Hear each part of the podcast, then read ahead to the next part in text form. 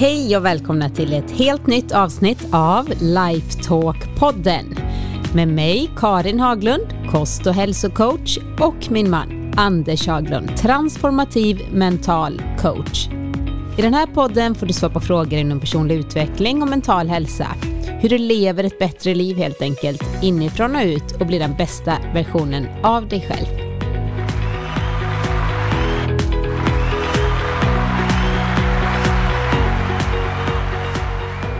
Hej Anders! Hej Karin! Då är det dags igen. Ja, det är ju det. Att besvara lite spännande frågor. Ja, det är ju alltid lika spännande för mig att få höra de där frågorna som du har valt ut från de som lyssnar. Ja, jag tänker så här, tänk vad stort ämne det här är. Mental hälsa, personlig utveckling, prestationspsykologi. Alltså det finns, jag tror vi kan potta i resten av vårt liv faktiskt, om ja. vi vill. Jag vet ju, jag tänkte på det när man började ge sig ut i den här resan så kommer jag ihåg jag läste någonstans den där att tillbringa så mycket tid med att utveckla dig själv att du inte har tid att kritisera andra. Annars är det ju lätt att man riktar fokus på väder och vind och omständigheter och annat istället för att göra det med sig själv. Och kanske viktigast jag lärde mig från Jim Rohn som var en av de där som jag började lyssna på på 80-talet. Det här är ju länge sedan. Han lever ju inte längre. Nej, tyvärr han så har han gått gammal. ur tiden, men hans inspelningar och annat består och det är väldigt tidlöst. Mm.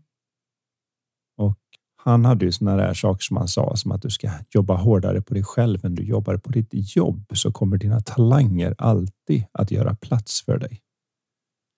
Kommer jag ihåg var en av de där sakerna som gick in. Mm. Och just den här att man riktar sin energi mot vad man kan göra med sig själv. Jag tror en av de andra sakerna som man sa någonstans var, vi se om det dyker upp här ur ventriklerna i hjärnan någonstans, men det var just det där med att önska inte att det var lättare. Önska att du var bättre. Mm. Alltså istället för att önska att tyngden på skivstången när man ska göra sin bänkpress, därför önskar att den var lättare, så önskar man att man själv var starkare. Och istället för att önska att man hade lite mindre säga, problem, mm. Eh, så önskar man att man var bättre på att hantera och lösa problemen. Och kanske förebygga, så de inte dyker upp överhuvudtaget. Precis. För det är det bästa att inte behöva ha dem. Mm. Det vet jag när man höll på med kampsport och sånt där och läste mycket böcker om det. Så stod det just det att det här är fortfarande det sista alternativet att ge sig in och använda sin kunskap i våld. Utan grejen är att det är mycket bättre att vara snabb och springa och inte hamna i problemet. För det spelar ingen roll hur duktig du är så kan du inte hålla ordning på allt och alla och det slutar inte väl. Så det bästa är att bara undvika konflikten egentligen. Mm. Nu är inte det här det här med att jobba på sig själv och bli starkare och sånt. Det finns ju många här i världen som får utmaningar med hälsa och ekonomi och är födda i fel del av landet och inte får chansen på samma sätt. Men det ändå ligger någonting i det där med att det jag har kontroll över, det är min egen inre värld och mm. vad jag kan göra där. Och det är ingen som kan ta det ifrån en hur mycket ondska det än finns i världen, tänker jag att det man, alltså sitt inre, sitt inre liv, sina styrkor, det äger du. Det ska man göra med stolthet. Ja, hur man tar sig an sitt öde är det enda man har att välja på. Att det är inte så lätt att gå in i mycket jobb och annat med ett högburet huvud och ett leende på läpparna och allt det där vad det nu är man ska göra som låter som spik i foten minsann. Vad gör det? Det är väl inga problem. Om livet ger dig citroner så är det dags att göra lemonad. Riktigt så funkar inte livet, men det är ändå den bästa riktning vi har att titta i. Det är att titta på vad är inom min kontroll och vad kan jag göra? Mm. Och nästa steg är vem kan jag be om hjälp? För vi är ju mycket, mycket bättre ihop med andra, så sociala varelser vi är. Vi lär oss av andra, ha förebilder och kanske som, som du gör nu, lyssna på den här podden. Ja. Det hoppas vi ju inte bara är så att säga underhållning för sinnet utan faktiskt ger dig bestående insikter som du har nytta av i ditt liv. Ja, för det räcker ju med en enda genuin insikt där någonting som jag inte har sett förut blir, slutar vara dolt och jag bara tänker dö, nu, mm, fattar, nu jag. fattar jag. Och efter det går det inte att få den osedd. Det är lite som att lära sig ett nytt språk. När jag väl har lärt mig engelska så kan jag inte få engelska att låta som det gjorde innan jag förstod det, när det bara lät som wah, wah, wah, wah, wah. Eller om man tycker att kinesiska låter som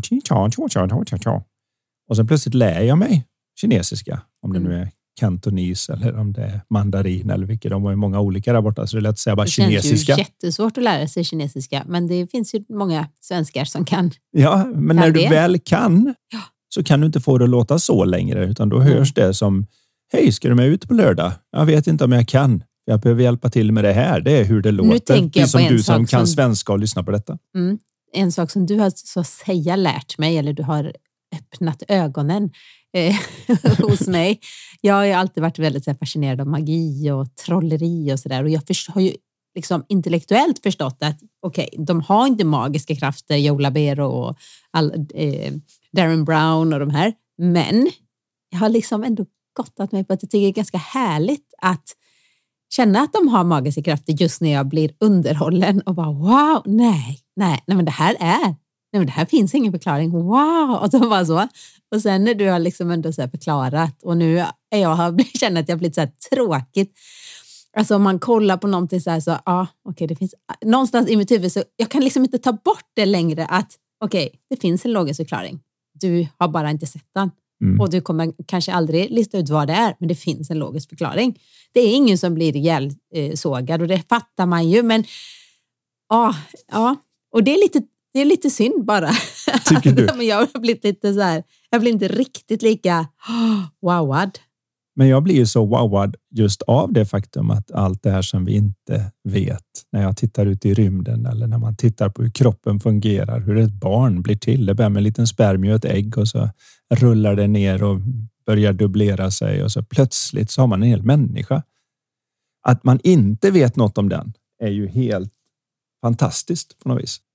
Och den får mig när jag tittar på den och tänker wow. Mm, ja, verkligen. Och det är samma ute i rymden. När man, och rymden och... Ja, allt sånt där. Så för mig är det samma hisnande wow-känsla, just det där med allt jag inte vet, men som jag vet att någon någon gång kanske då kan säga, det får vi lära oss i trean. Mm, antagligen. för så har det varit med allting annat. Marie Curie som då fick Nobelpriset för strålning och annat. Hon dog för hon visste inte om hur farlig strålningen var när hon stod och försökte ta reda på hur det fungerade. Men på hennes axlar står vi nu och lär ut hur radiografi fungerar och sånt. Det får man lära sig på högstadiet nu. Någonting som var liksom total magi och ingen hade fattat det någonsin i hela världshistorien vad det innebar. Mm. Är nu en självklar del av en vanlig skolgång. Och jag tror att det kommer bli så med mycket av det här. Min stora förhoppning är ju att det kommer vara så, men jag vet inte hur lång tid de där sakerna tar, men så många år som det nu än tar så plötsligt mm. kommer någon och säga Va? Är du stressad? Det är så 2020. Mm.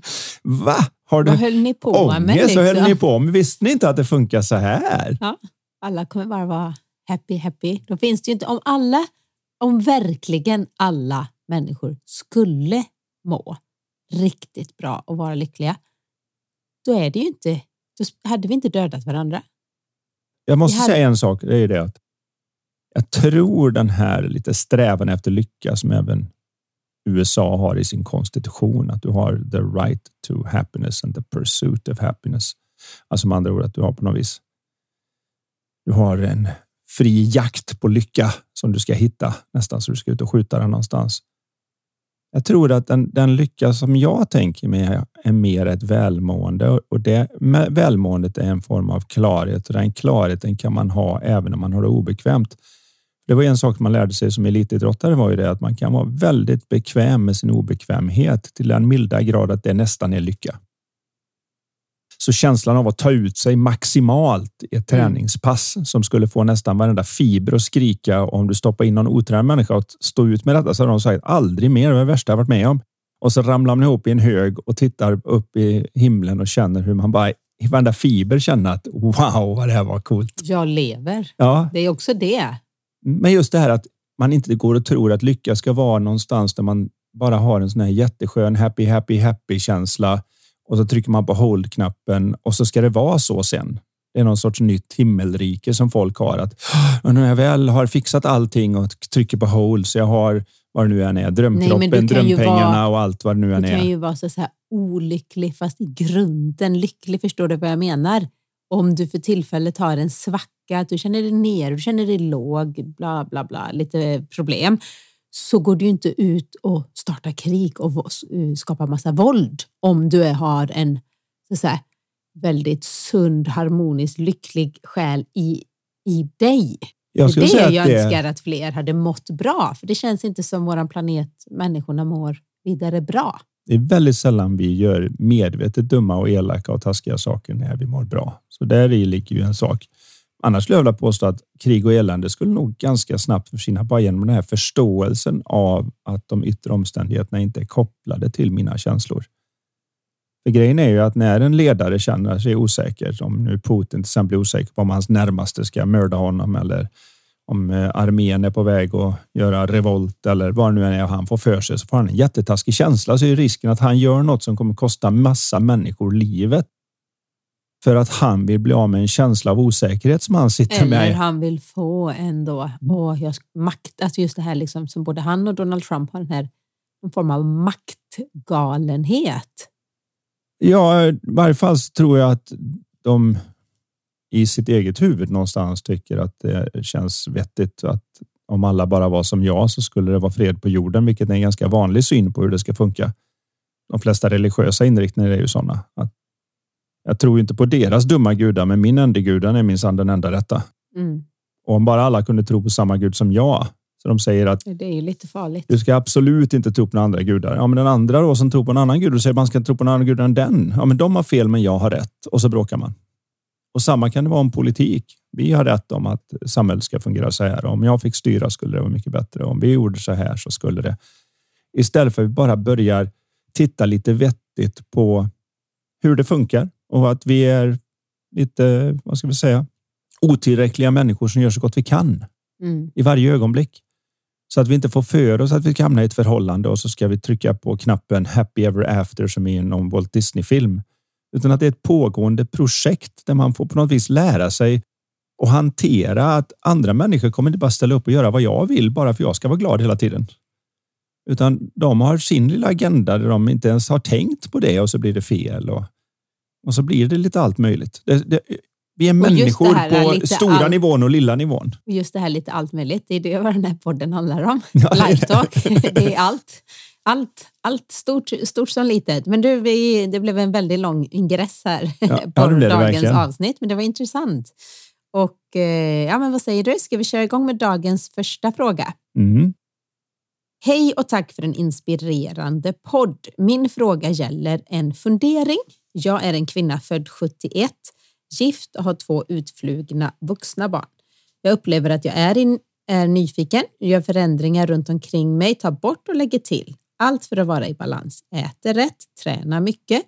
Min barndom har präglats av prestation i allt, yngst utav fyra syskon. Flera gånger har jag gått min egen väg för att göra det jag vill.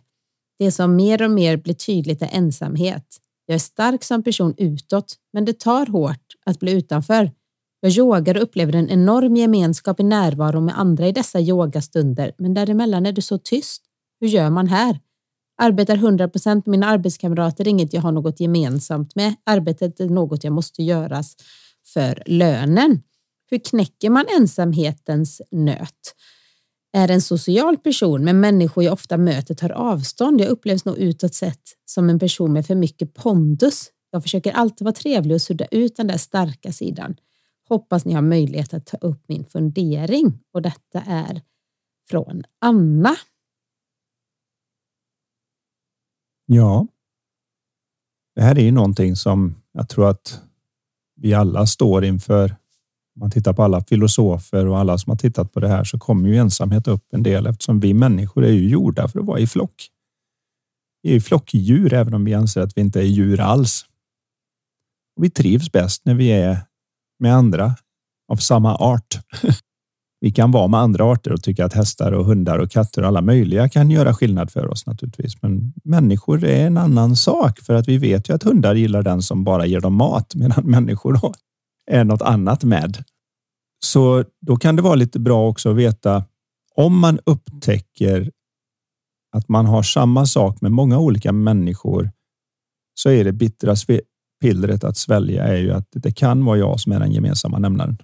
Mm. Men det verkar ju som att hon är kanske lite eh, medveten om här att, att hon kanske kan upplevas då som en person med mycket pondus eller en stark, stark personlighet. Och det tänker jag är bra, men det är också vilka personer som man liksom kanske funkar ihop med och att man ibland då bara, bara vet om att jag kanske i vissa sammanhang kan uppleva så. Hur ja. man kan tona ner det utan att för den sakens skull försöka vara något annat. För det tror jag det blir också väldigt fel.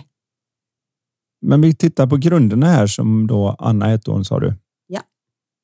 Som hon även själv pekar på. Jag har ingenting gemensamt med dem jag har på jobbet.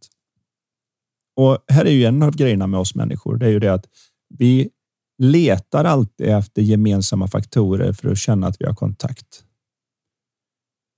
Så skulle man komma in någonstans och känna sig lite utanför och så försöker man få kontakt med säga hej, vad heter du? Och så säger de sitt namn och säger jag mitt namn och så frågar jag vad jobbar du med? Om vi nu inte inom tre, fyra frågor hittar någonting som vi har gemensamt så dör den konversationen stenhårt. Men om det visar sig att vi känner samma person eller båda två gillar tennis eller båda två tycker om att vi gör en viss sak, då ganska snabbt har vi lite energi emellan oss. Så vi letar ju ofta efter gemensamma faktorer. Nu är bara frågan, de som då i stort sett kommer överens med alla, vad är det de gör? Gör de våld på sig själva eller vad handlar det om? Oftast är det det att de kan hitta gemensamhet i en större skala, för det beror på hur man sjunkar saker som det heter. När man sjunkar mentalt så är det hur stora bitar man delar något i. Så det är klart att ska jag hitta någon som inte bara gillar att sy, men gillar att sy med blå tråd som jag gör och sitta på ett visst rum, då börjar det bli väldigt få som kommer samma. Man går ut på internet. Mm. det, men där, om jag det är hittar, så fascinerande att ja, där finns alltid någon det finns som ju har... Något, va? Men vad jag menar är att ska man komma överens med kanske man ska sjunka lite större i varje fall och kanske tycka att jag gillar att vara skapande. Och då kan det vara inte bara pris med symaskinen och då har jag något gemensamt med alla andra som skapar det på Youtube-videos eller vad det är. För nu är det kreativiteten som är det gemensamma snarare än att det måste vara precis den här tråden med den här nålen som gör precis den här saken. Och ibland är det, det att när man specialiserar ner, då tappar man alla. Mm. Och då blir det svårare att ha kontakt med folk.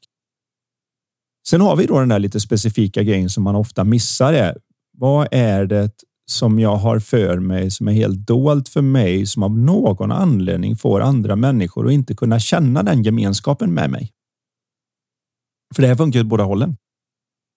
Så den andra personen måste känna att men du och jag har något gemensamt, hur de nu än sjunkar. Och är det ofta så då att hur de än gör det här så upplevs det att nej, du och jag hade inget gemensamt, så dör konversationen och hon känns ensam så är det lite frågan vad kan det vara för någonting? Och det är lite lurigt då, utan att göra personlig coaching hos oss när jag sitter mm. med någon. Men jag ska ta ett exempel som jag inte kommer ihåg om det har varit uppe någonstans, men det kan det ha varit naturligtvis, men inte i det här sammanhanget. Men jag hade en chef som undrade varför han upplevde att alla var så konfrontativa runt honom.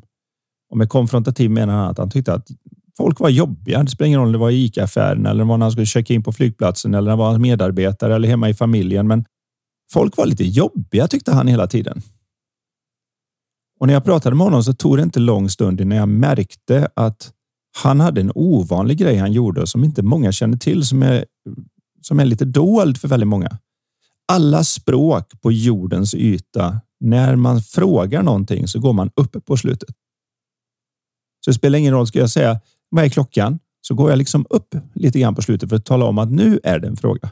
Utan att vi tänker på det, utan detta sker ju väldigt det är automatiskt. Omedvetet, ja. För att alla språk är likadana. Det spelar ingen roll vilket språk på jordens yta Och en del osäkra människor, de säger ju fast det inte är en fråga, så går de liksom upp lite fastän det är ett påstående. och då blir det väldigt konstigt.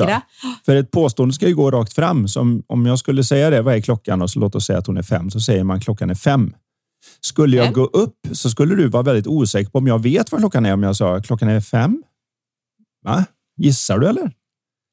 Så ett påstående går rakt fram, en fråga går uppåt och sen går en befallning neråt. Det här är då dessutom, för att nu generalisera och i dagens wokiga samhälle så är det väl säkert någon som blir upprörd nu, men rent generellt kan jag säga av erfarenhet då att kvinnor är bättre på att se till att en grupp kommer överens med varandra genom att de nästan alltid går upp lite grann så att man inte skapar konflikt i onödan. Så ställer man nästan allting som en fråga. Vad tror du om det här? Medan en man kanske, vad tror du om det här? Det är mer en, en befallning in, liksom att jag kom mm. på något, nu ska du göra det. Och det. Därför upplever ofta till exempel barn att mamma är snäll och pappa är lite hårdare. Men det gör också det att när mamma ropar in barn för att de ska komma in och äta så låter det som en fråga. Kom in och ät. Medan när pappa ropar så säger han kom in och ät och så springer barnen in. För den första var en fråga så barnen sa nej, men jag håller på och leker och hon bara frågade. Mm. Och så undrar de liksom, varför, varför reagerar de när pappa ropar? Men det gör också att kvinnor ofta då som följer det här mönstret upplevs lite mjukare och män upplevs lite hårdare. Nu var det så här att den här klienten jag hade då, han var extremt sån att han gick ner på nästan allting. Så när han frågade till exempel när vi satt och sa någonting och det var något han inte förstod av det jag sa. Så istället för att fråga. Nu förstår jag inte riktigt hur du menar eller vad menar du? Så sa han. Vad menar du? Nu förstår jag inte hur du menar. Usch, Vilket det är en, det är en, det är en attack. attack. Ja, det, ja. Är, det är som en attack. Och jag upptäckte den hela tiden. Man satt liksom på edge. Och då när jag konfronterade honom med det då, just med att jag sa det att du kanske inte vet om det här. Så jag förklarar då upp och fråga rakt fram på ett påstående och ner på en eh, på det här. Så var han ju, det var helt dolt från. Han hade ingen aning om det överhuvudtaget. Jag sa det att det här kommer du ha problem med överallt för att alla behöver matcha. Om tjejer lite grann går upp för mycket så att ibland så är det så att man blir inte lika snabbt befordrad därför att när du kommer med en idé så ställer du det som en fråga och så kan en man ta över och ställa den som en befallning och så var det som att de kom på idén. Så det är en nackdel på det sättet. Å andra sidan då män som gör det här, de kommer upplevas som hårda, icke lyssnande, fast de egentligen inte menar något med det. Det är bara ett vanemässigt sätt som män har och tala om i en befallande ställning på något vis. Och som han gjorde det hela tiden så reagerar alla på det. Det är ju en jättestor skillnad när du kommer fram och ska checka in om du säger eh, var sitter jag någonstans? Eller om du säger var sitter jag någonstans? Den ena är ju liksom otrevlig på ett sätt, för den går ner. Den, den frågar inte var jag sitter. Den säger tala om var jag sitter i mm, dumkopp ungefär. Mm. Och den andra personen kommer då bli lite avvog och så kommer den här personen tro att ja, värst av alla är avvoga. Och så missar de det att nej, de är bara så när du dyker upp. och, och, han var så nästan vit i ansiktet över att han hade missat den här biten av mänsklig kommunikation. Alltså, menar du att det är så på alla språk? Ja, det spelar ingen roll det är på spanska. Så säger man keoraes och så går man upp. Nu tänker jag på norska. Är inte de väldigt så här sjungande upp? Alltså Whoop. låter de inte väldigt de, de, de är lite sjungande i hela vågen. Ja, det men du kommer ändå gå slutet. upp och ner. Liksom, ja, okay. så de kan också befalla. Ja, ja, det är klart. Jag kan nästan inte föreställa mig Nej, hur det kan låta sådär på norska. Det låter så himla glatt. glatt. Ja, och mycket av det är ju att de har en sån sjungande ton. Ja, och att det går lite upp. Så. Ja. ja. Så då upplever du det som trevligare? Ja. ja fast de inte behöver vara trevligare. Man blir glad, fast man inte förstår kanske vad de säger så det så precis, man förstår ganska mycket. Så precis som de könsskillnader jag beskrev här, och de är väldigt generella, så de finns både inom och mellan och så vidare. Men jag, jag vill bara att man blir medveten om att en effektiv kommunikation, då går du upp när du vill fråga någonting. Du går rakt fram när du vill konstatera någonting och du går ner när du vill tala om någonting. Så att de matchar. Och de flesta är väldigt dolt för och så undrar de varför alla blir avvokt inställda. Mm. Nu har jag ingen aning för jag har inte pratat med Anna. Och, så jag kan inte säga vad det är som är dolt för henne som kanske är dolt även för de pratar med, för det här är inget vi vet om. Det kan vara allt ifrån det mönstret. Det kan vara ett kroppsspråk. Det kan vara ett par resta ögonbryn. Det finns lite allt möjligt man kan göra som plötsligt gör att människor tar och blir lite defensiva runt en utan att man vet varför. Så att det här, det här är bara en bit med kontaktytan med gränssnittet för henne. Mm. Men sen hade hon en allmän fråga på det här med ensamhet. Och det viktigaste att komma ihåg där är ju det att det viktigaste förhållande vi har genom hela våra liv, det är med oss själva. Jag tänker och pratar med mig själv 24 timmar om dygnet. Och den som har skaffat sig så att säga ett ensamt vokabulär kan vara ensam bland hundratusen personer. Och den som har skapat sig ett kontaktskapande vokabulär kan känna sig som de är i kontakt med hela universum sittande ensam i sin yogaposition hemma. Det är lite det här, när jag läser det här, den här frågan så tänker jag okej, okay, hon är gift, så hon har ju uppenbarligen då ett, ett, ett förhållande. Har två barn som mm. i och för sig inte bor hemma, men som, som finns förhoppningsvis i någorlunda i närheten om man kanske träffas och sådär. Hon har ett arbete med arbetskamrater, så även om man inte connectar så har man ändå någon form av relation. Och hon går på yoga och så här. Och jag vet inte, jag känner så här, alltså bara rent att man inte Alltså att det är säkert mycket ligger på hennes upplevelse av ensamhet och att inte den faktiska ensamheten. Hade det stått jag är själv, jag har inget jobb, jag sitter hemma hela dagarna, då är man ju mer, lite mer, om du förstår vad jag menar, faktiskt ensam, att man inte stöter på så många andra människor. Mm. Eh, jag bara inser så här att jag känner mig väldigt sällan ensam. Jag kan nästan säga när hon skriver så här, däremellan är det så tyst och kan jag känna, det vore gud jätteskönt. vad skönt. Jag gillar att vara ensam. Ja. Alltså, nu låter det, det, var ju, det kanske lät lite hårt om man har ett problem med att vara ensamhet. Men jag tycker också jag är ganska bekväm i min ensamhet. Alltså jag gillar att vara med mig själv. Kan ja. det ligga någonting i det? Att man känner sig inte riktigt bekväm med att hänga med sig själv. Att så länge vi definierar vad det innebär att hänga med sig själv. För då är vi tillbaka i det här med att, att hänga med sig själv är att hänga med sin egen tankeverksamhet. Det är det enda sättet vi upplever saker. Men om man kanske Utan, då tänker att man känner sig väldigt ensam i sig själv för att man tänker ensamma tankar. Ja, kan det vara något sånt? Som... Ja, så är det ju. Därför att det här är ju ett annorlunda exempel som jag har dragit upp förut, men det finns ju en gigant inom psykologin som heter Ivan Maslow. Och en av de klientstory som jag läst av honom när man läste psykologi på universitet och den har även dykt upp i någon bok efteråt. Så förhoppningsvis är den ju sann då. Men det var ju det att han hade då en klient som kom och han var inte ensam på sin praktik. Han hade en massa understudies och folk som tog hand om. Och han jobbar inom psykiatri mer än som psykolog. Då hade han en man som var helt övertygad om att han var ett lik.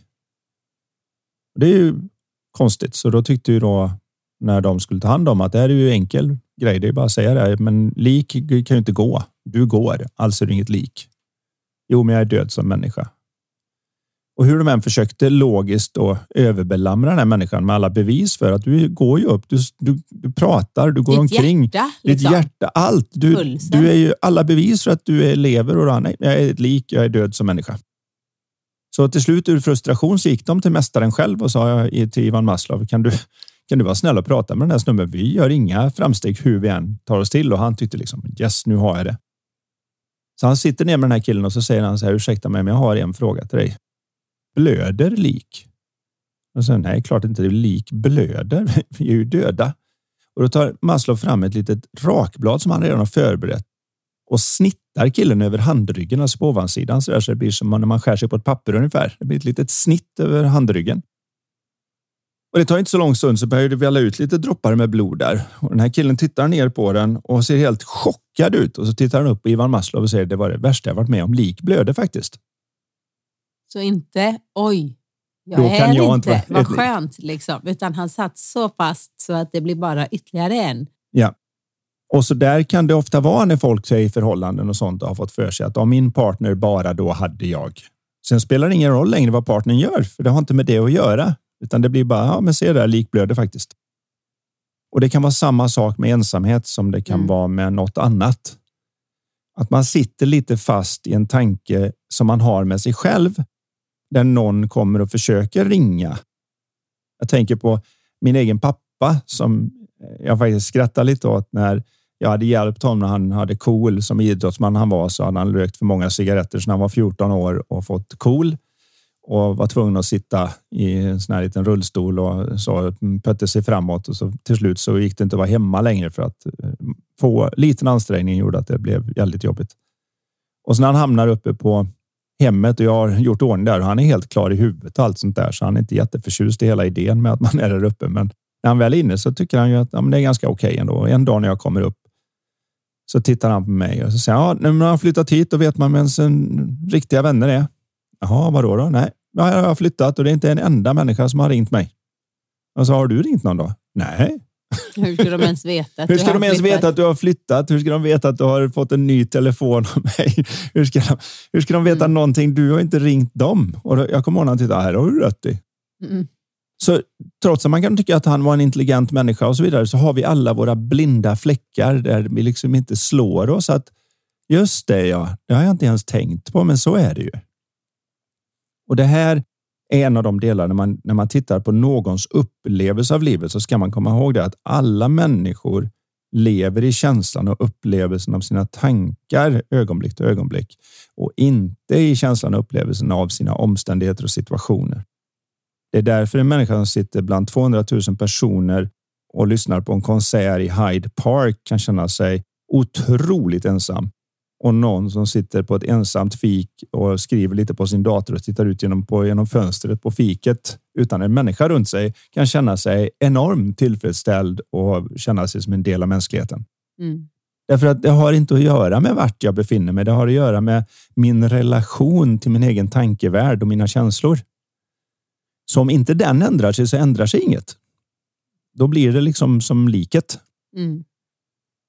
Det är ju hur man benar ut den här. Det får ju var och en göra, för den kan man inte bena ut åt någon annan. Det blir som att försöka gå till gymmet och säga nu har jag kört ett jättepass. Har dina biceps växt? Du kan hjälpa. Du kan vara som så säga, en personlig tränare till någon som faktiskt gör jobbet. Det är ju aldrig en PT som tränar åt dig.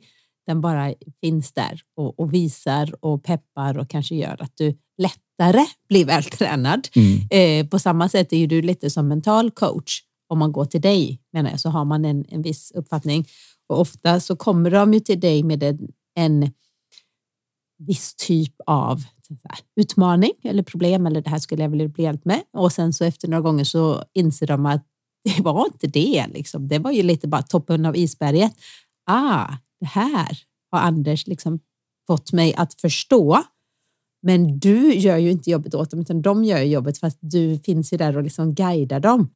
Och det här är ju lite mm, i poddformat så kan man ju peka lite åt det hållet och man kan förstå och man får någon lite mm -hmm, och alla ni som känner igen er i någonting i det här eh, får med er någonting som kan leda till någon form av djupare insikt. För att det funkar ju lite så där att det är ingen annan som är bättre expert på dig än vad du är. Många lämnar över den kraften och säger att men säg något. säg vad jag ska göra. Tala om för mig. Ge mig receptet. Men sanningen är ju fortfarande att det är bara varje person är helt unik och har sin unika erfarenhet och upplevelse av den här planeten. Och därför finns det ingen annan som är en större expert. Det vi kan få är ett bättre sätt att organisera det vi kan som ingen annan kan om oss. Så vi upptäcker att till exempel att det jag lärde mig när jag var barn och fick för mig därför att min mamma och pappa om det nu är så att de aldrig tog i varandra så har jag heller aldrig lärt mig att ta i någon och därför har jag ingen intimitet i mina förhållanden. Och så ser man det är bullshit. Det är bäst före-datum. Jag bestämmer det själv och den som ser det så ändrar sig allt. Mm. Medan någon annan tycker att nej, så är det. Jag är sån. Ja, precis. Den, den meningen är där. Jag har alltid haft lite svårt och det är ju mina som, vad som triggar, men just det här med att sån är jag. Och, och, och, inte alls att man vill så här, ja, jag har varit som fram tills nu, men jag är öppen att förändra mig. Och det sker sällan över en natt, men bara att liksom den här äh, önskan finns där att jag skulle vilja vara lite mer så här. Och Jag tror det går djupare än så, för att om du frågar någon så här, vem är du? Då skulle de flesta svara, om de vore du till exempel, jag är Karin och jag jobbar som hälsokost. Och då vill jag alltid säga det. Nej, men jag menar innan. Namnet fick du av din mamma och pappa. Det är inte du. Det är bara en etikett någon slabbar på. Det är inte du. Du är inte ditt namn. Du är inte ditt jobb. Jag är du är inte. Du är inte ens dina tankar. Du är inte vad du har upplevt. Du är inte din situation. Du är någonting innan det. Och det är någonting som är så mycket större och formbarare att många vill inte ändra på sig för de tycker att då gör jag våld på vem jag är. Jag har det hellre dåligt än att vara en sån där som bara ändrar sig och kappvänder och beter sig istället för att säga att jag är universums potential där i botten. Gud, här, det här blir bra. Nästa gång någon frågar så här, ja men, men, men du, kan är dags för dig att presentera dig? Då ska man bara äga. Jag är en del av det här universums potential. Jag har så mycket potential och egentligen har jag inte ens, ord kan inte beskriva vem jag är, för jag är så mycket större än vad ord är. Och det bara är något mänskligheten har, har liksom... Då låter man ju som ja, man har tappat greppet fullständigt. Okej. Okay. Tjena! Den, ja. Tack för din input, men sitt gärna ner nu. för vi måste ju koppla det till våran verkliga bit också, för vi lever ju i en verklighet ihop med andra och ihop med en viss resurs och vi behöver på något vis bidra och växa och det mesta på planeten som inte bidrar, det, det går ju bort. Det är så evolutionen funkar.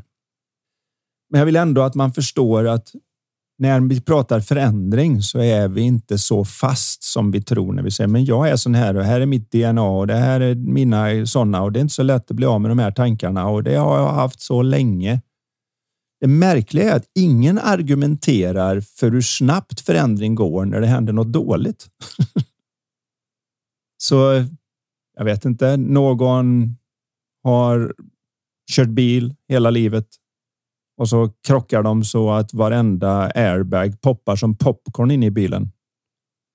Och så nästa gång de ska gå ut och sätta sig i bilen så skakar hela kroppen och säger jag kan inte sätta mig i bilen på grund av att jag har varit med om det här. Då är det ingen som säger så här, nej, det är inte möjligt för det var ju bara igår du krockade. Så fort kan man inte ändra sig. Gång hela det har ju bara hänt en enda gång och det hände igår och så fort kan man inte ändra sig. Men däremot om någon säger så här att ah, jag har varit övervikt hela mitt liv, men så fick jag en Lidners knäpp och så idag så äter jag bara sallad. Jag är ute och rör på mig och varje gång jag kommer på mig själv med att vara obekväm så istället för att gå och leta efter något att äta så går jag, funderar jag lite grann på vad jag skulle kunna göra för att aktivera min kropp. Och nu har jag gjort det ett tag, så nu är jag, jag är redan smal, även om inte min kropp har visat det än.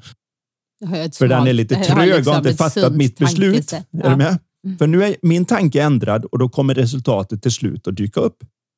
Då kommer folk säga, vadå menar du? Här, ta en chokladbit eller du har ju druckit alkohol förut. Kom igen nu. Då försöker folk trycka det tillbaka och tycker att nej, men så fort får det inte gå. För det är som att de tror att dåliga saker kan hända fort som fasen, men bra saker det tar år av lidande innan jobba, de kan jobba, förändras. Jobba. Mm. Och, och, den idén är som ett tankevirus som har invaderat så många sinnen att det är som att nej, jag tillåter inte mig själv att ändra på saker snabbt njutbart och roligt. Och därför så har folk sprungit omkring, de flesta terapeuter och andra sprungit omkring och letat efter långsamma, smärtsamma sätt att ändra sig på. Och då har det inte sett så aptitligt ut. Mm. Men jag försöker alltid ställa frågan, men om, om det här gick att göra och ha roligt under tiden.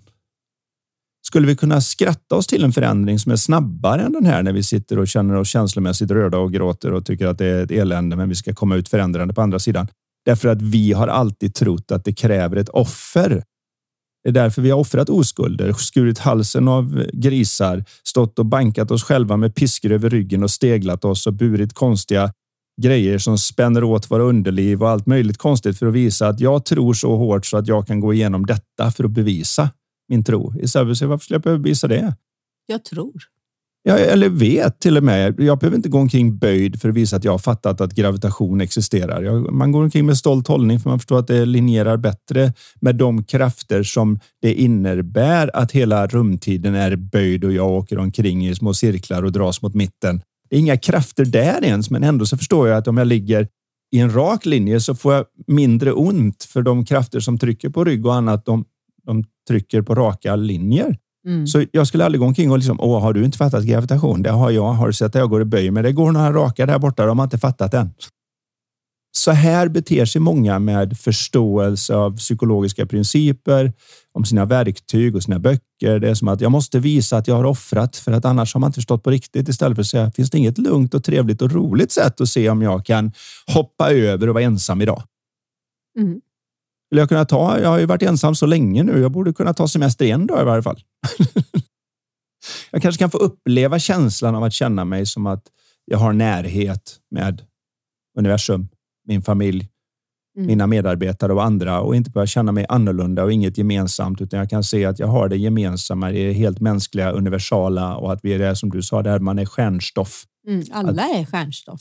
Vi har exakt samma proportioner och exakt samma exakta procenttal av grundämnen i oss som när vi tittar ut mot stjärnor och annat.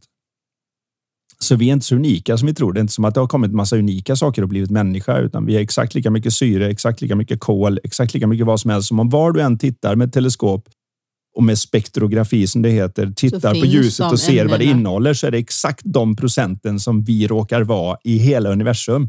Mm. Så vi går inte omkring som en special del av den. Vi är, vi är universum. universum. Mm, det och det är det jag menar med att vi är potentialen av det universella. Kom ihåg det nu. Ta med er detta och från det poddavsnittet. På den nivån så har vi det gemensamt med alla istället för att känna att jag har inget gemensamt med dem där. Mm. Och då bryter vi ensamhetens kod. Jättefint förklarat. Vi svävar ut där på mycket intressant tycker jag. Eh, vi hoppas att Anna och alla ni andra som lyssnar på det här fick med er någonting om både hur vi blir mindre ensamma och påminnelse om att vi är stjärnstoff och faktiskt en del av det här fantastiska universumet, eller flera. Mm, det vet vi inte det heller. vet vi inte heller i dagsläget. Eh, vi tar en till fråga, älskling. Och den här frågan är från Jonas. Hej på er, jag älskar er podd. Tack för att ni är så härliga. Det är roligt att lyssna på er och samtidigt lära sig någonting. Har ni tips kring hur jag kan tänka gällande inflationen och det höga ränteläget? Tycker den ekonomiska pressen är väldigt jobbig och det är jobbigt att behöva säga nej till saker man tidigare kunnat göra och lägga pengar på och så vidare. Livet känns faktiskt ganska mycket tråkigare när man har sämre ekonomi. Är det bara att härda ut eller bara att ändra inställning? Ta gärna upp det i podden. Tror att fler kan känna igen sig? Ja. En bra fråga. Väldigt bra För fråga. Det är jag säker på att fler känner igen sig i. Om man nu inte sitter där och har så mycket pengar man kan göra vad man vill, stoppa dem i öronen och skänka till Ja, och även då så kan vi hamna i det där att ja, men det är ju roligare att gråta i baksätet på en Rolls Royce än i baksätet på en Folka. Alltså med andra ord, det är inte någon garanti för att man skulle må bättre och ha en bättre upplevelse av livet. För ibland så kan det vara ett extra ok att bära när man inte har all den ekonomiska pressen och har en dålig känsla så är jag liksom ingen ursäkt alls, utan då är jag uppenbarligen någon sorts B-vara, mm. alltså som var defekt rakt av bandet. För det där har jag ju sett med ganska många framgångsrika människor att de hamnar i den tankevurpan. Att de, man tänker, alltså många tänker i alla fall, tror jag, att har man bara ett x antal miljoner, eh, miljarder, vad det nu kan vara, så tänker man inte på pengar. Men oftast de människorna tänker rätt mycket på pengar och kan ha exakt, vad ska jag säga, lika mycket eh, jobbiga känslor kring pengar. Ja, om de inte har det runt pengar så har de det runt att hur vet man vilka som är ens riktiga vänner? De kanske bara vill vara med mig för att få flyga pengar, på privatjätten. Ja. Eller de vill ha något av mig. Eller jag, jag, kan inte längre känna mig säker i en enda konversation för att jag vet inte om de säger vad de tycker eller om de bara säger vad de tror att de behöver säga för att jag ska vara hygglig med mina resurser. Mm. Så att det finns alltid sätt att ha ett sämre förhållande med sin tankeverksamhet som gör att jag inte mår bra oavsett var jag befinner mig. Sen kan vi nog allihopa rent objektivt säga så här att om man har tillräckligt med resurser så att man vet att man själv och ens familj klarar sig och man kan ta en massa fria val.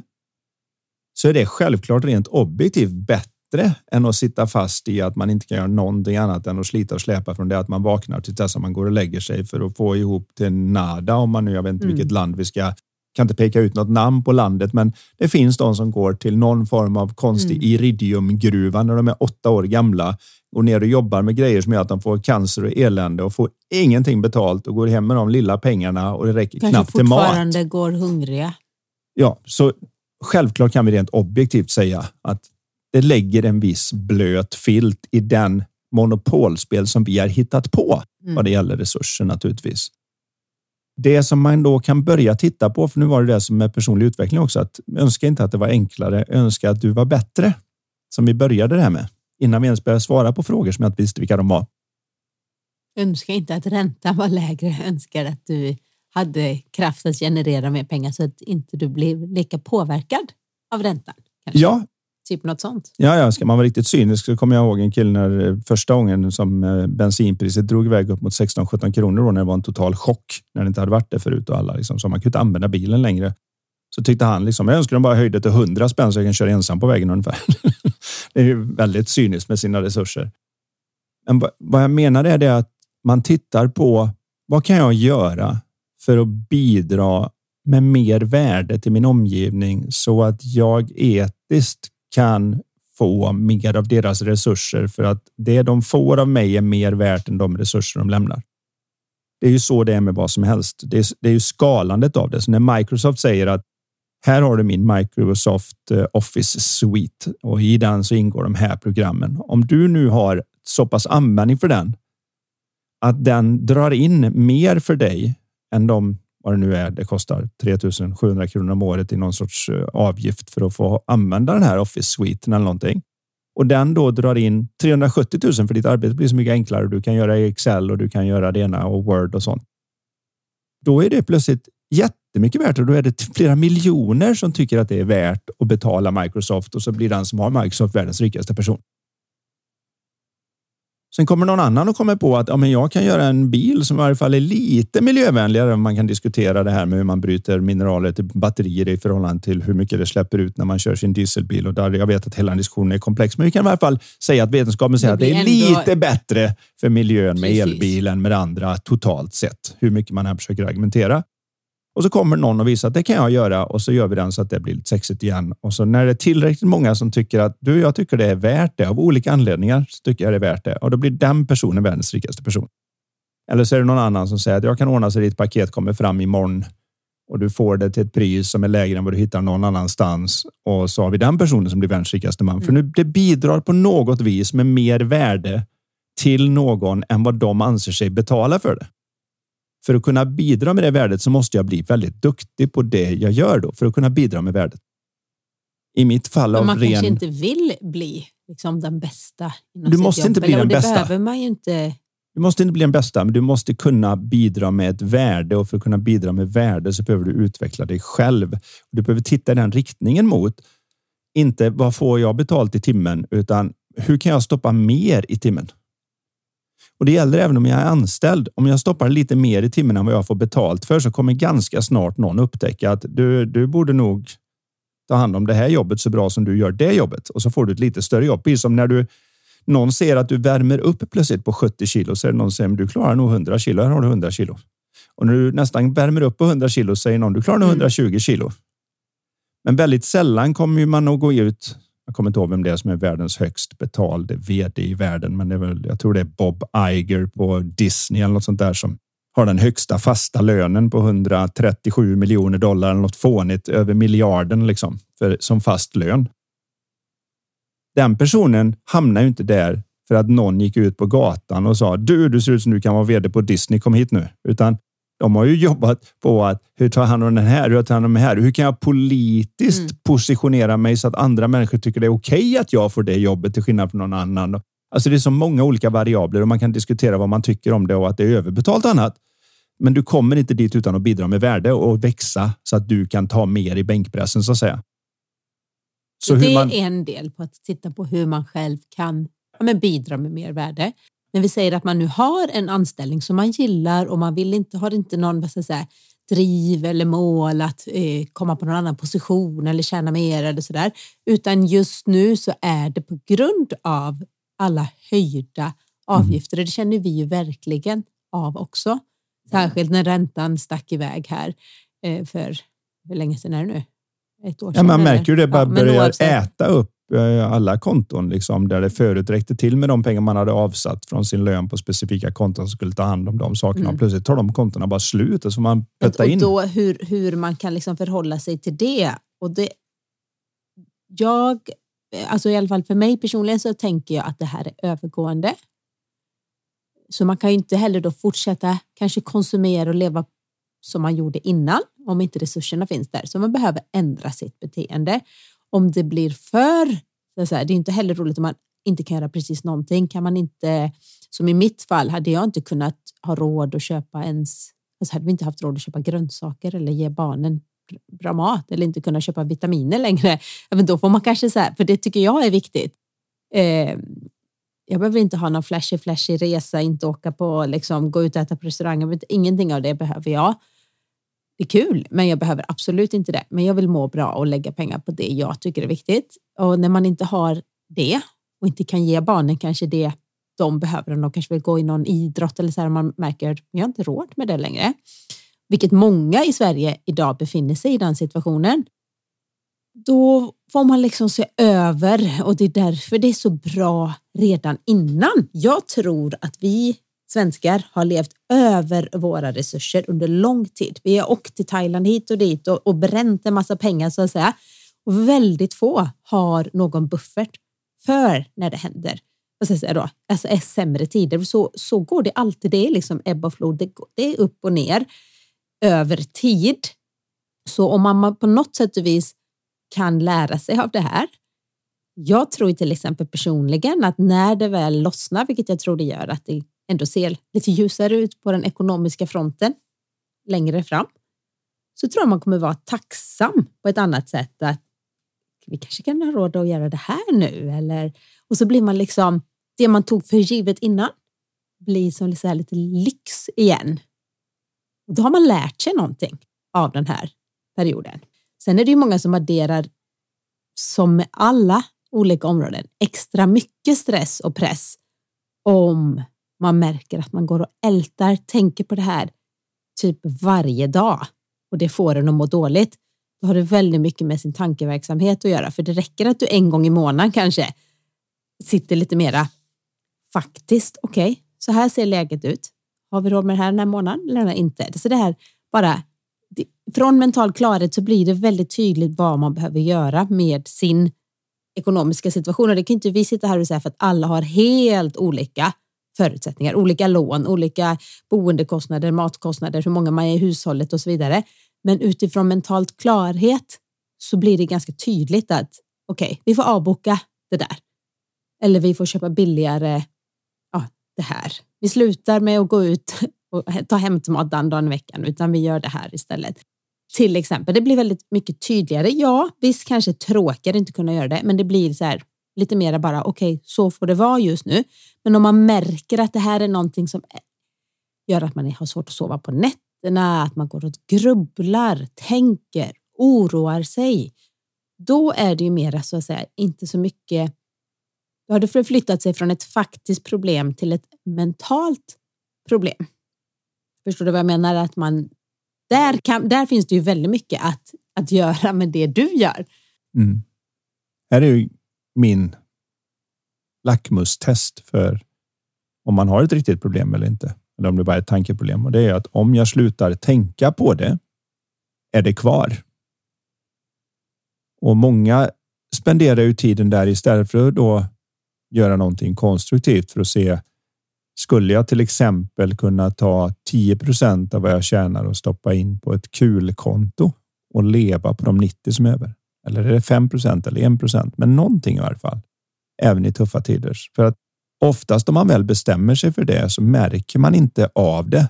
För det är ju någon som tjänar de 5-10 procenten mindre som är i exakt samma sits och det är någon som tjänar mer där de är i exakt samma sits. Så bara genom att man skär ner till en viss nivå och sen tar den biten och tar en liten del till att kanske investera för att skapa lite resurser för framtiden och en liten del för att skapa någonting för att belöna sig just för att slippa bara ha det tråkigt. Och så när man har sparat en stund så ser man, ja, men då kan vi göra det här. Och är det en procent så kanske det är liksom, ja, men nu kan vi gå på en teaterpjäs eller gå på bio eller vad det nu är som finns. Mm. Är det 10 procent så kanske det är just att man kan unna sig någonting som man kanske annars inte unnar sig eller vad det nu är. Men det gäller att hitta ett system för att vi känslomässigt så klarar vi oftast inte av det. Och därför gäller det att låta systemet ta bort de eventuella grejerna. Det här börjar ju ja, men väldigt tidigt, vilket man är glad för när man går igenom pandemi och allt vad det är. Att ta 10 procent och lägga på ett investeringskonto, 10 procent som man lägger på en eh, så att säga roligt konto och 10 procent på ett välgörenhetskonto där man hjälper någon annan och så försöka leva på de 70 procent som är över. Och istället för att tro att man ska fixa det så går man till banken och säger jag vill ha fyra konton. det är mitt lönekonto. Mm. Och, så dras det och, och direkt när det kommer in så dras det automatiskt de här summorna bort så jag behöver inte ens se dem. För annars skulle risken att man är där och nallar. Och så funkar det inte därför att man är människa och man klarar kanske inte av det just känslomässigt vissa tider. Så då ser man till att ta bort det ur ekvationen och se om man kan börja bygga. Och vad många gör nu, det är att de ser hur lite skillnad det gör över ett år. För om du börjar med det jag sa nu, så efter ett år så kommer du tycka att det har inte hänt någonting. Men vi ganska rejält så, så har vi svårt att se hur mycket som kan hända på fem år eller på tio år. Och det är det, om jag är 50 nu, ja, men det är ju 10 år till 60. Om jag är 60 nu, ja, det är 10 år till 70. 10 år är mycket tid att mm. göra det här och bygga på och det ackumulerar ovanpå varandra och det var därför Einstein sa att när han frågade vad är det största underverket i världen, då sa han att det åttonde underverket i världen, det är compound interest, alltså ränta på ränta. Att folk kan inte förstå hur mycket det gör när du lägger ränta på ränta på ränta på ränta. I början verkar det inte göra någonting och sen sticker det. Det är ju hela skälet att folk inte förstår det här med miljöproblemet. Att lite grann med bilarna gjorde ingen skillnad, lite grann till gjorde ingenting och sen gjorde ingenting och så gjorde ingenting och sen rätt vad det är nu så sticker det. Och så säger mm. folk, men så fort kan det inte gå. Jo, det är så ränta på och ränta då, funkar. Tyvärr räcker det inte att bara, ja men då pyttelite mindre där och pyttelite, nej vi, nu behöver vi göra något mer drastiskt för att vända det. Ja, för att det är redan, bollen är redan i mm. rullning så stort nu att den blir så mycket större varje gång överhuvudtaget det händer någonting. Så det här är ju någonting som man får titta på och se hur kan man göra det här och se, kan jag omdefiniera mina tankar kring vad som är tråkigt och vad som är en belöning, vad som vore kul och sätta dem på en ny nivå så att min min air conditioning så att säga är satt lite annorlunda. Precis som mm. man gör i huset när det plötsligt elen går upp till sju kronor och de elbolagen i ärlighetens namn verkar sko sig lite grann på problemet och tar ut högre vinster än någonsin. Men det hjälper inte när man sitter hemma och ska betala det där. Ja, då kanske man får sänka från den bekväma värmen som man hade till några grader lägre och ta på sig par tofflor och en tröja när man är hemma. Mm. Okej, okay, det, det här är ju bara hur världen funkar. Och man två plus sig två ganska är fyra. Fort, fort för det också. Ja, det är vår största superkraft som människor är hur snabbt vi vänjer oss. Mm. Man åker iväg till eh, ett soligare land och när du varit där någon vecka så du, i början tycker man det är jättevarmt och sen så vänjer man sig. Och åker man upp någonstans där det är kallt så tycker man hu, hu, hu vad kallt och så tar det en stund och så vänjer man sig. Mm. Och det märker vi mellan sommar, vår, vi som då har alla fyra årstiderna så märker man det också att i början där på våren så när det börjar värma upp lite så tycker man att oj vad varmt det blev plötsligt. Och den temperaturen är ju kall sen på sommaren. Mm. Och sommartemperaturen är ju supervarm om man jämför med hösten och så där håller det på. Därför att vi är så otroligt duktiga på att anpassa oss. Det är skälet att vi dominerar planeten helt enkelt för att vi är så duktiga på det. Så man litar lite på sin egen förmåga nu att kunna anpassa sig till ett, så att säga, en sämre ekonomi som i stort sett de flesta det finns ju alltid några företag och några egenföretagare som kanske har, har det bättre nu. Eh, men, men de flesta har ju blivit drabbade. Sitter man med höga lån, då tickar det iväg. Det är lite som miljön där liksom. För varje extra miljon man har lån på, det blir ganska mycket högre kostnad i månaden och de pengarna måste ju finnas någonstans. Eh, så tyvärr, en del har ju säkert behövt flytta eller sälja och så där. Men om man kan hålla ut nu så tror jag att... Eh, Tittar hitta, vi på säger, evolution, som ändå är en av de mest utforskade vetenskapsbitarna och mer bevisar något annat, även om det finns en annan religiös som påstår att det är bara en åsikt. Men det är det inte, utan det är vetenskapligt bevisat att evolutionen är på riktigt.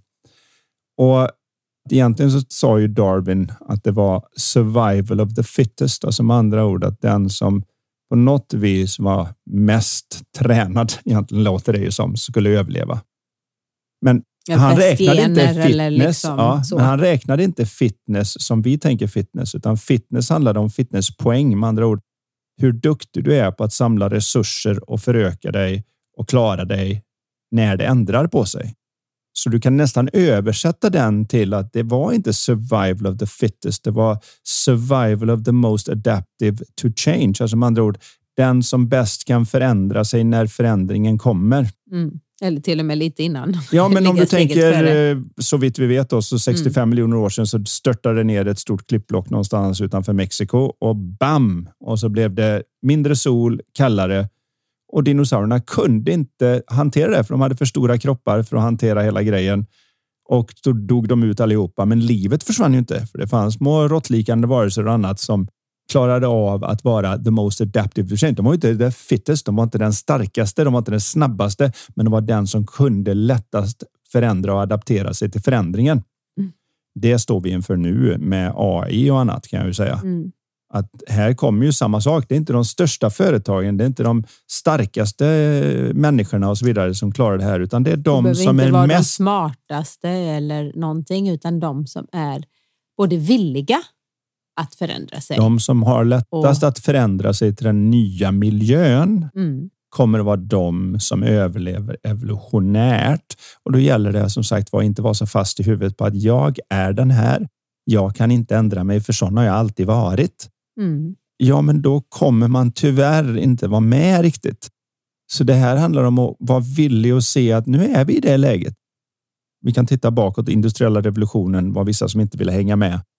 Det kom eh, förändring i krigföring med romarriket och annat där man första gången organiserade trupper och inte bara kom springande och sa Åh! och då tog de över allt för att de. Men det var en förändring i vapen, i möjligheter. Vi började odla. Vi, alla de här sakerna är stora revolutionära saker mm. där många människor tyvärr hamnar i kläm, men samtidigt de som kan förändra sig verkligen frodas. Och den möjligheten har man om man bara kan se. Okej, okay, kan jag vara lite flexibel i mitt huvud? Det är svårt. Jag tycker det är supersvårt. Mm. Jag säger inte att det här är enkelt som människa att gå över och se att oj, oj, allting har förändrat sig. December, Man gör inte typ. föreläsningar och seminarier på samma sätt så företagen ringer Folk inte likadant. Folk har inga pengar så de har inte råd att anlita. Nej, och allt detta vad det nu kan vara. Men vi vet att det naturligtvis finns pengar för just nu tror jag det var all time high på eh, Dow Jones borta i USA så det har aldrig funnits mera pengar i systemet för aktier än vad det gör just nu. Så det är inte att inte pengarna finns. Det är bara det att man är inte där de är. Man får ha en helt ny syn på det här med att se vad behöver jag lära mig? Vad behöver jag kunna? Vad behöver jag förändra? För om inte jag förändrar mig så kommer inte det att hända för mig. Om inte jag förändrar mitt förhållande till mina för, tankar precis. så kommer det inte hjälpa om jag sätter mig med en massa människor som jag har något gemensamt med. För det är inte det som gör skillnaden, utan först börjar den med en förändring hos mig. Och den är ju alltid tillgänglig för alla människor. Förändringen mellan öronen. Sen finns det en tröghet mellan insikten och resultatet. Jag tänker på en gammal historia om eh, det här med vad en kines tror jag det var som fick en idé för ett software company och kände jag måste fly från kommunismens grepp och åkte och kom in i San Francisco.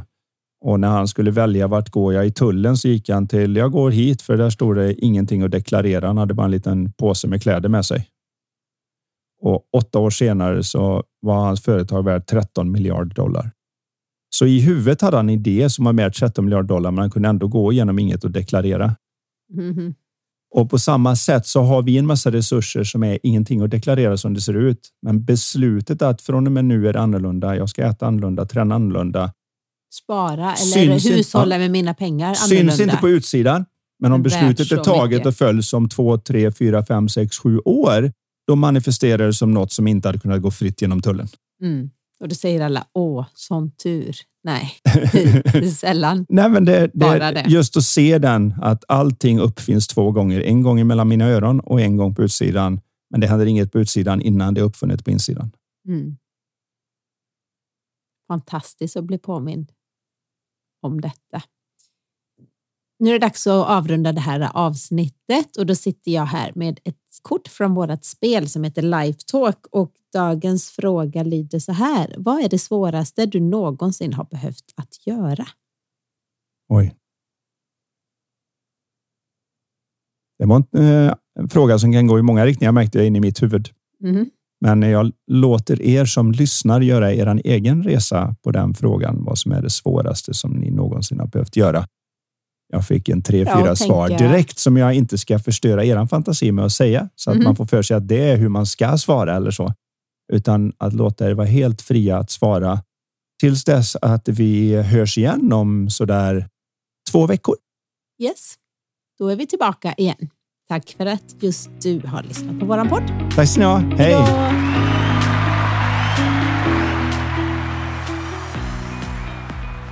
Du har lyssnat på Lifetalk-podden. Vi vore så tacksamma om du vill lämna ett betyg och eller en recension i iTunes. Dina frågor de kan du skicka till oss på lifetalkpodden.se. Spelet Lifetalk finns också att beställa där. Vill du komma i kontakt med oss rörande samarbeten, coaching, föreläsningar och event? Då kan du mejla till karin lifevision.se. Tusen tack för att du har lyssnat! Och du, gillar du podden? Dela den gärna vidare och tipsa om den i sociala medier. Låt oss tillsammans göra världen lite mer mentalt välmående.